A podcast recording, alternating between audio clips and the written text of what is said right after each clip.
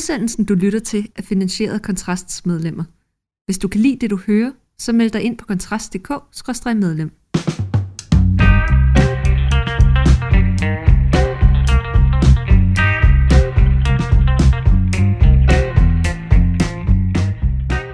Velkommen til Fyraften med Kontrast. Og her på Kontrast, der er vi jo i den her uge gået i gang med vores øh, temauge om byråkrati, frås og spild i den offentlige sektor. Så det har jeg tænkt, at øh, vi to, Astrid og Johanne Hø, vi skal sådan vente lidt i dag og måske snakke om både, hvad man kan forvente her i ugen, og også nogle øh, personlige anekdoter om, hvad vi har oplevet i den her henseende, som, som folk så eventuelt kan forlyste sig med eller blive skræmt af. Det er jo op til den enkelte. Velkommen til. Tusind tak det store paradoks med byråkrati i den offentlige sektor, det er jo, hvordan kan det være, at vi i et land med 800.000, der arbejder i den offentlige sektor, oplever så dårlig velfærd, eller så dårlig service.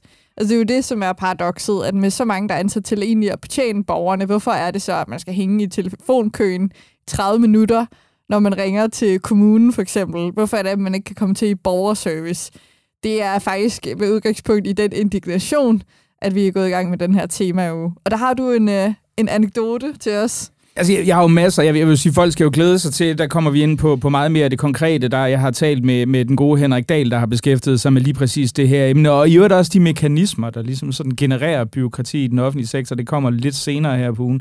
Der er masser af eksempler, men altså, jeg tror, at det, jeg, der hvor jeg sådan tænkte, som jeg selv oplevede det, det var for ja, det er efterhånden en del år siden. Øhm, det har været i slut 90'erne, så vi er tilbage i det andet øh, årtusind, men ikke desto mindre. Jeg, var, jeg, var, jeg havde en... Øh, jeg havde sådan en øh, svulst bag mit venstre øje, som jeg blev opereret for i over flere omgange, og det, jeg, skal, jeg skal ikke trætte med lytterne med, med, med min lidelseshistorie. Der er få ting, der er så kedelige, som at høre om andre syge, sygdomshistorier. Ej, jeg bag øjet. Kan du ikke lige sige, at du er okay? Og jo, jo, jo, jo. Ja. Igen, vi, vi snakker altså om, da jeg var 18, og jeg er 43 nu, så det, det er mange år siden. Men, øh, men øh, de troede, det var kræft. Øh, det, det var det ikke, og nu kan jeg knap nok huske, hvad det præcis var, men det var noget helt harmløst med, at jeg havde en ekstra tårkirtel, der var blevet Øh, øh, hvad det hedder, gået øh, betændelse i, eller sådan et eller andet. Så jeg blev foretaget to operationer, og den sidste hed en frontal kranotomi, faktisk, mm. hvor man simpelthen skærer op langs sådan bag ved hårgrænsen, og så hele vejen fra øret, og så folder man huden ned,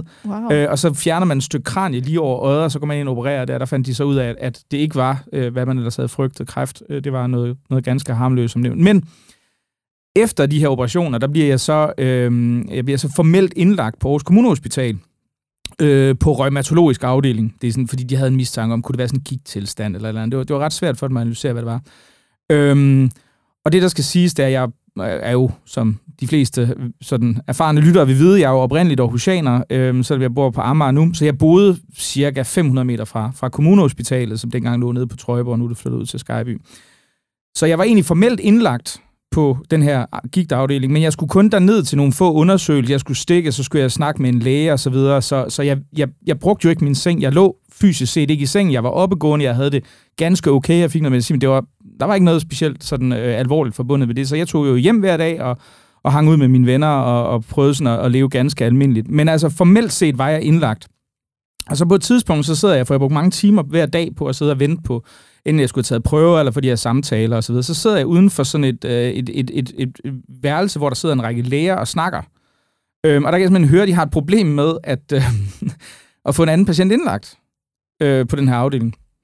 Og øh, så, så går jeg, og jeg kan, altså, så går jeg sådan ind og siger til dem, sådan, I kan jo tage den seng, som jeg aldrig ligger i, og så kan I jo indlægge vedkommende i den seng her, og så husker reaktionen var sådan, at de kiggede på mig som fuldstændig retarderet, hvor jeg var sådan, men det kan man jo ikke. Du, altså, det er jo, det er jo en seng, det kan jo ikke lade sig gøre. Hvor jeg sådan, men jeg er jo ikke i sengen. Jeg har jo aldrig brugt den her seng. Jeg har aldrig opholdt mig hernede andet end i det her venteværelse. Og der kan jeg huske, og, altså, der var, det var sådan en, altså, det, det var sådan en helt, helt sådan åbenlys undren, altså, hvad, hvad jeg egentlig havde gang i, altså, i forhold til det her. Øhm, og det, jeg, det, jeg ved det ikke. Det er, jo, det er jo rent anekdotalt, men jeg vil sige, i situationen, der morede det mig meget. Jeg, jeg, jeg havde i hvert fald indtryk af, at det, det sagde en, øh, en del om det offentlige sundhedsvæsen. På det tidspunkt, det skal jo siges, der er jo blevet gennemført en del reformer. Øh, og der var også der var en del andre ting, som jeg oplevede i den sammenhæng. Øh. Særlig overlevering af information oplevede jeg øh, var utrolig ringe. Det var helt exceptionelt dårligt. Altså, jeg skulle simpelthen fortælle de samme, de samme ting. Nej, jeg har ikke jeg har ikke diabetes, nej, jeg har ikke spist inden for de sidste ting. Jeg skulle resumere de samme symptomer nok sådan ja. 20-30 gange af en eller anden grund. Jeg ved ikke, om patientjournalen har gjort det bedre siden da, fordi som nævnt, det er nogle år siden. Men det var sådan det, jeg Ja, et af de eksempler, hvor jeg i hvert fald synes, det var mest fascinerende at rende ind i sådan øh, byråkratiske institutioner. Det lyder som om, du er blevet suget ind i en anden verden, bare med, hvor, med regler, du ikke øh, kender til, som styrer alle mulige, alle mulige skjulte processer. Det, øh, det må have været lidt en skræmmende oplevelse i virkeligheden. Ja, altså det skal dog sige, selve behandlingen, øh, hvad det hedder, som jeg, jeg fik, øh, var jeg ret glad for. Jeg tror, jeg var en ud af meget få, der fik lavet en operation, som jeg fik lavet, øh, som øh, ikke har fået enten mistet synet på det relevante øje, eller fordi der lå sådan noget betændelse omkring synsnerven. Og, og, og, så jeg har hverken fået immobiliseret mit syn, eller mistet synet på det ene øje. Det eneste det er, at det hænger, mit ene øjenlåg hænger lidt, når jeg... Så altså, jeg har intet udsat på det. Det var, det var kun alt det, sådan udenom operationerne, som jeg oplevede som, øh, som stærkt fascinerende. Uha. Godt, det gik godt i øvrigt. Jeg, jeg vidste ikke, at det, jeg, jeg vidste faktisk ikke, at, um, at det var sådan, så risikabelt. Um, ja, Nej, men jeg havde fået at vide, at de var så meget bange for, at det var sådan en form for, for aggressiv kræft. Så, Ja. så jeg var sådan lidt, altså hvis jeg skulle, på, på det tidspunkt var jeg så meget, hvis jeg mistede synet på det, det, det, det, ville jeg nok have lært at leve med. Ja, ikke? Jeg troede, ja, det var sådan ligesom best case Ja. scenario. Så. Nå, okay, så du gik ind til operationen og vidste ikke, at det ikke var kraft? Det Nej, nej, ud det, det fandt jeg først ud af. Okay. bag- Jeg fandt først, faktisk først ud af det efter anden operation. Jeg blev opereret en gang før, hvor, jeg, hvor det blødte for meget, hvor de forsøgte at gå ind sådan ved siden af øjet. Jeg har sådan en lille arm, man kan se yeah. her faktisk. Det var fra den mislykkede operation. Så det var, øh, det er en utrolig dramatisk uh, historie. Og det jeg kan meget godt lide at starte med at sige, at man skal ikke kede folk med en sygdomshistorie. Og nu, Mm. nu er jeg så siddet og redegjort Ej, det er så for den. noget, noget mere dramatisk end øh, min bedstemors blæreinfektioner, det der. Det er, og meget fine billeder i øvrigt. Det er jo også radiomediet, vi benytter os af. Så det der, jeg sætter pris på billedet af huden, der ligesom bliver skrællet af. Man kan se, den hænger ned af dit ansigt, mens de opererer. Det, det, det sætter jeg meget pris på. Det, det er også, øh, jeg vil sige, at bagefter så får man, øh, jeg tror det er noget, der hedder en brillefraktur, hvor man får sådan en røde blodunderløbende øjne i begge sider. Det kan man prøve at google, det ser super. Hej. Jeg havde en par uger, det var meget fascinerende. ja. ja, men øh, tak for den anekdote. Men det kan også være, at vi lige skulle øh, sådan se lidt på, hvad vi ellers øh, har i vente. Jeg har allerede nævnt, at øh, den gode Henrik Dahl øh, har, har vi jo inde til et øh, længere, en længere interview, som jeg har snakket med ham om. Og det er altså, jeg, jeg synes, det bliver ret godt i, i al ubeskedenhed, øh, selvom det er mig selv, der har lavet det. øhm, så har vi Dennis Nørmark, som er forfatter til bogen Pseudoarbejde og flere andre ting, som, øh, som skriver en kronik til os. Vi har også en, et indlæg fra øh, Cepos' Jonas Herby, som øh, formodentlig kommer i slutningen af temaugen, hvor han ser lidt nærmere på de forhindringer, som det offentlige lægger for, for små og mellemstore virksomheder, og måske sågar, hvad der kan gøres ved det.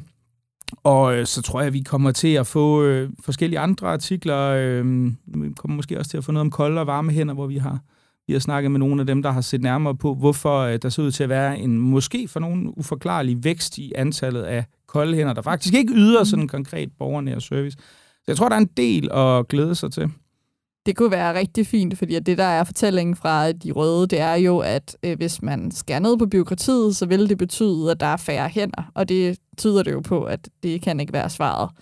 Nej, der er i hvert fald en, øh, der er en nylig undersøgelse, som, øh, som ser ud til, at øh, en, en stor del af lønomkostningsvæksten i den offentlige sektor, den er faktisk gået til folk, som administrerer, og ikke til folk, som faktisk går ud og, og tager sig af borgerne. Så, så det kan være, at vi kan få en forklaring på, hvad det er, den udvikling den bunder i. Mm.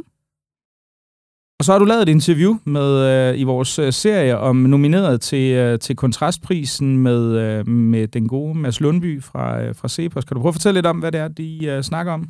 Ja, han, øh, han var nemlig rigtig god. Så øh, Mads Lundby er jo øh, cheføkonom og vicedirektør i Cepos. Han er nomineret, fordi han er en af Danmarks mest citerede økonomer, og han bliver kaldt et korrektiv i den offentlige debat. Øhm, jeg var rigtig glad for min samtale med ham. Øhm, jeg synes, han havde nogle rigtig interessante pointer. Altså det, som han slår meget på, øhm, det er, at de borgerlige skal omdefinere velfærdsbegrebet. Han siger, jamen de røde, de sætter jo li- lighedstegn mellem antal kroner brugt på velfærd og så velfærden. Og han siger, hvis de borgerlige går med på de præmisser, hvilket vi har gjort, øh, mener han, jamen så vil de røde altid vinde, fordi det er altid dem, der vil bruge mest på øh, den offentlige sektor. Så, kan, så derfor så siger han, at i stedet for, så skal det omdefineres. Øh, så det skal handle om familievelfærd. Og skattelettelser er i virkeligheden familievelfærd. Øhm, og det giver også tryghed til familierne, at de har et større budget og så videre. Så det skal man tale meget mere ind, siger han for det første. Øhm, så kommer han med en meget interessant øh, kritik af Venstre. Øhm, og han har selv arbejdet for Venstre i, i øh, mange år og været med i flere kampagner. Øhm, så derfor er hans øh, kritik rimelig interessant. Han siger, at han kan ikke huske en valgkamp, hvor at Venstre har kritiseret Socialdemokratiet mindre. Og for ham, så ser det ud som om, at Ellemann opgav kampen øh, mod Mette Frederiksen, og så i stedet for brugt valgkampen til faktisk at nærme sig Socialdemokratiet. Og nu sidder vi jo som bekendt og venter på øh, en regeringsdannelse, og det ligner mere og mere, at det bliver en SV-regering. Øhm, så den forudanelse havde han nok ret i. Øhm, rimelig arv kritik. Øhm, han havde også en interessant pointe. Øhm, han nævnte Anders Fogh. Og det er sjovt, fordi at i, i sit eftermæle, der er Anders Fogh jo gjort til en, en, en midterpolitiker. Altså han har trykket venstre mod midten øh, økonomisk. Men Mads Lundby peger på, at faktisk så tog han nogle ret grundlæggende opgør med socialdemokratismen. Altså blandt andet, han indførte den her radikale øh, fritvalgsordning, som betyder, at hvis, der ikke, hvis du ikke kunne komme til inden for behandlingsgarantien det offentlige, så kunne du tage pengene med dig, og ikke bare til et dansk privathospital, men der til et udenlandsk privathospital. Fuldstændig grundlæggende opgør med nogle af de her spilleregler, som Socialdemokratiet har sat op for samfundet. Han nævner også skattestoppet. Og grund til, at det var så vigtigt, det er fordi, at den socialdemokratiske tankegang netop er, at hvis man lige mangler nogle penge, så kan man altid finde nogle, nogle afgifter, man lige skruer lidt op for. Øhm, og det var den tankegang, som øh, Fosanden stopper for med skattestoppet. Og så siger han så, at øh, både Lykke, altså Lykke har til gengæld trykket Venstre øh, mere end mod Socialdemokratiet, og i endnu højere grad Ellemann Jensen. Ikke? Altså han nævner, at Ellemann Jensen omfavnede Arne-pensionen og bankskatten øh, lige før og under valgkampen, og dermed fjernede de sidste sten på vejen til nærmest at smelte sammen med Socialdemokratiet. Øh, rigtig, rigtig gode tanker fra ham. Øh, Udover så siger han jo også nogle interessante ting om vigtigheden af kultur og historie og værdidebatten. Så, så det er jeg meget glad for at lave, og, og en god nominering, der er kommet fra vores læsere.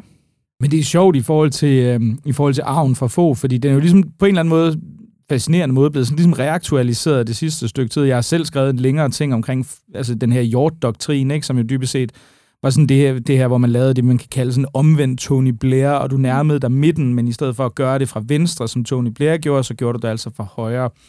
Øhm, og for det er jo fuldstændig rigtigt. Altså, det er jo også meget det, som jeg tror mange de, altså, overser i, i, i debatten om alt det her. Øhm, det er jo, at der, der blev gennemført altså, ganske imponerende reformer under, øh, under Anders Fogh. Altså, vi så skattestoppet, mellemskatten blev også afskaffet, og der er en række andre ting, som sådan er reelle borgerlige fingeraftryk, men samtidig så har man så den her fascinerende situation, hvor man kan sige, at borgerne stadigvæk bliver mere venstreorienteret, selvom der bliver gennemført borgerlig politik, fordi man går ind og siger, at den grundlæggende præmis, man ligesom skal spille på, det er venstre, eller det er velfærdsstatens, øh, det er sådan ligesom ja, velfærdsstatens det domæne, ikke? det er jo så der, hvor Mads Lundby ville hævde, at det var få ikke skyldige. Lige netop det med at gå ind på alle velfærdsstatens præmisser, var han jo ikke skyldig i, at man tog de radikale brud, brud mod det Ellemann gør.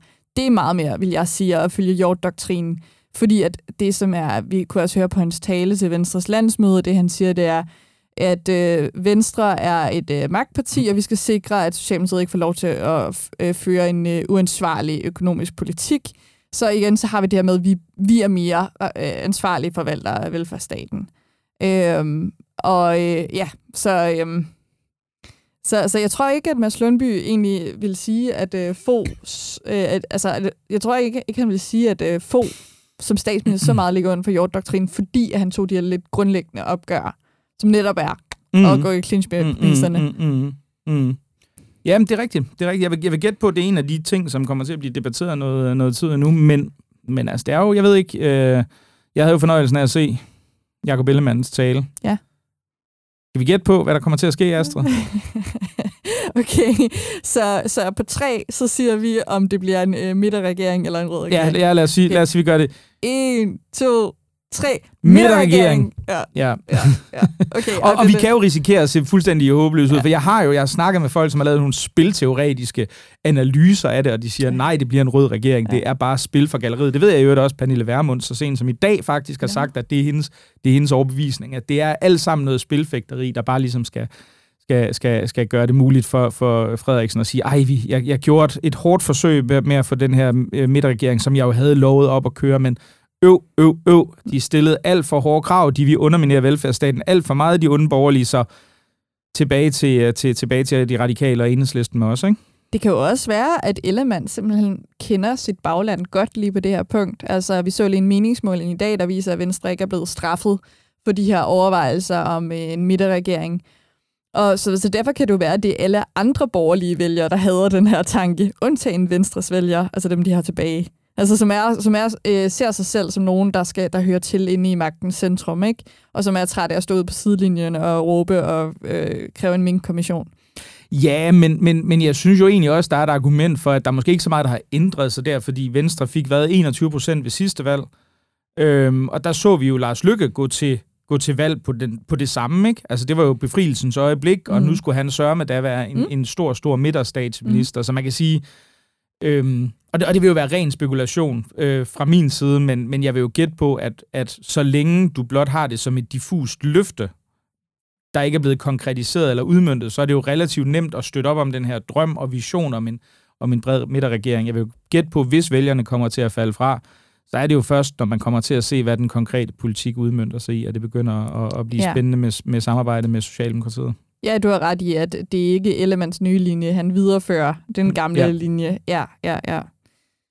Ja, altså det var jo også, hvad jeg tror, jeg så, det var 9.000 flere i arbejdsudbud, som, social, som Venstres plan vi skabe, og det var 7.500 mm. flere som, som Venstre. Så det er jo ikke... Øh, det er jo de små marginaler, der adskiller det, men, uh, men det bliver spændende at se, hvad der sker, om, uh, om vi kommer til at se en, uh, en, en uh, Jacob Ellemann som, uh, som kommende minister i en socialdemokratisk regering. Hvem skulle dog have troet det? Ja, det er øh, ja, åbenbart, Mads Lundby så det jo. Altså ja, åbenbart ja, det, det, det han har tænkt gennem hele valgkampen, mens alle vi andre har tænkt, det ville være det dummeste at gøre.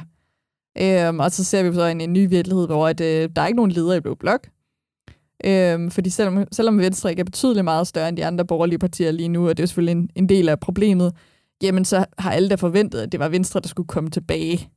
Altså, fordi det jo, bliver jo ikke Pape. Det bliver ikke med Pape som formand, at de konservative bliver meget større, vel? Og Alex Van Opslag, han er stadig lidt for ung, og altså, øhm, ligger ikke tæt nok ind på midten, måske. Øhm, så ja, det er, lederskab i Blå Blok, så det er spændende. Tror du ikke, de slikker sig munden over i, uh, i, i det, uh, det succesfulde liberale alliance? Vil, vil, uh, altså selvfølgelig vil det da være, måske være træls for dem at se Venstre smut til, til midten på den mm. måde, men, men der er jo en plads, der lige pludselig bliver ledig. Og... Det er en fuldstændig gylden mulighed. Det, det, det er det. Alex Vanderplag har allerede ideologisk taget lederskab, vil jeg sige, under valgkampen ved at tale borgerlige værdier så meget op. Øh, og det er der jo endnu mere plads til nu.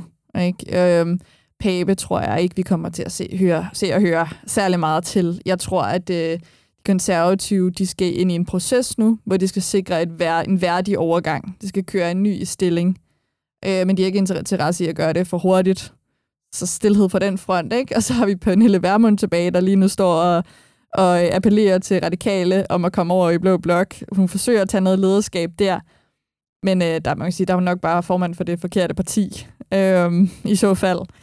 Så i, hvor bliver det spændende, når vi endelig kan lave en, når vi kan lave en udsættelse efter den her regeringsdannelse, så vi har noget konkret, og ikke en diffus vævende Jacob Ellemann tale og, øh, og udmeldinger i, i øst og vest, vi kan forholde os til. Og det er sådan en særlig genre, jeg, føler, at vi sidder i drømmetyder næsten. Altså, vi er sådan nogle ja, ja. shamaner, der tolker skygger på væggene, og sådan ja, det er lidt... teblade og sådan Det er sådan noget kriminologi, ikke? Det er sådan noget, ja, jeg, jeg så Andropov, han stod til højre for generalsekretæren, øh, komiteens næst næstformand ved Kremls 1. maj parade, og det betyder helt sikkert, at han har tabt skråstreg vundet magtkampen internt. Jamen ja. har du ikke også set, at Ellemann han blinker på særlige tidspunkter og sådan noget? Det er jo jo. Han, han... Måske morser han. Hjælp mig. ja. Ja, kan sige, at det, det gør, at folk derude har også til at tyde tegnene. Præcis. Fordi Ja. Vi, vender, vi vender frygteligt tilbage på, øh, på onsdag med, øh, med mere kaffegrums og, øh, og øh, drømmetydning og øh, analyser af, af Blå Bloks øh, øh tilstand og regeringsforhandlinger. Tusind tak, fordi du lyttede med. Det var alt, hvad vi havde for Kontrast i dag. Husk på, som altid, jeg er Kontrast medlemmer, der finansierer det, så ind på kontrast.dk-medlem, hvis du har værdsat, hvad du har hørt. Tak for nu.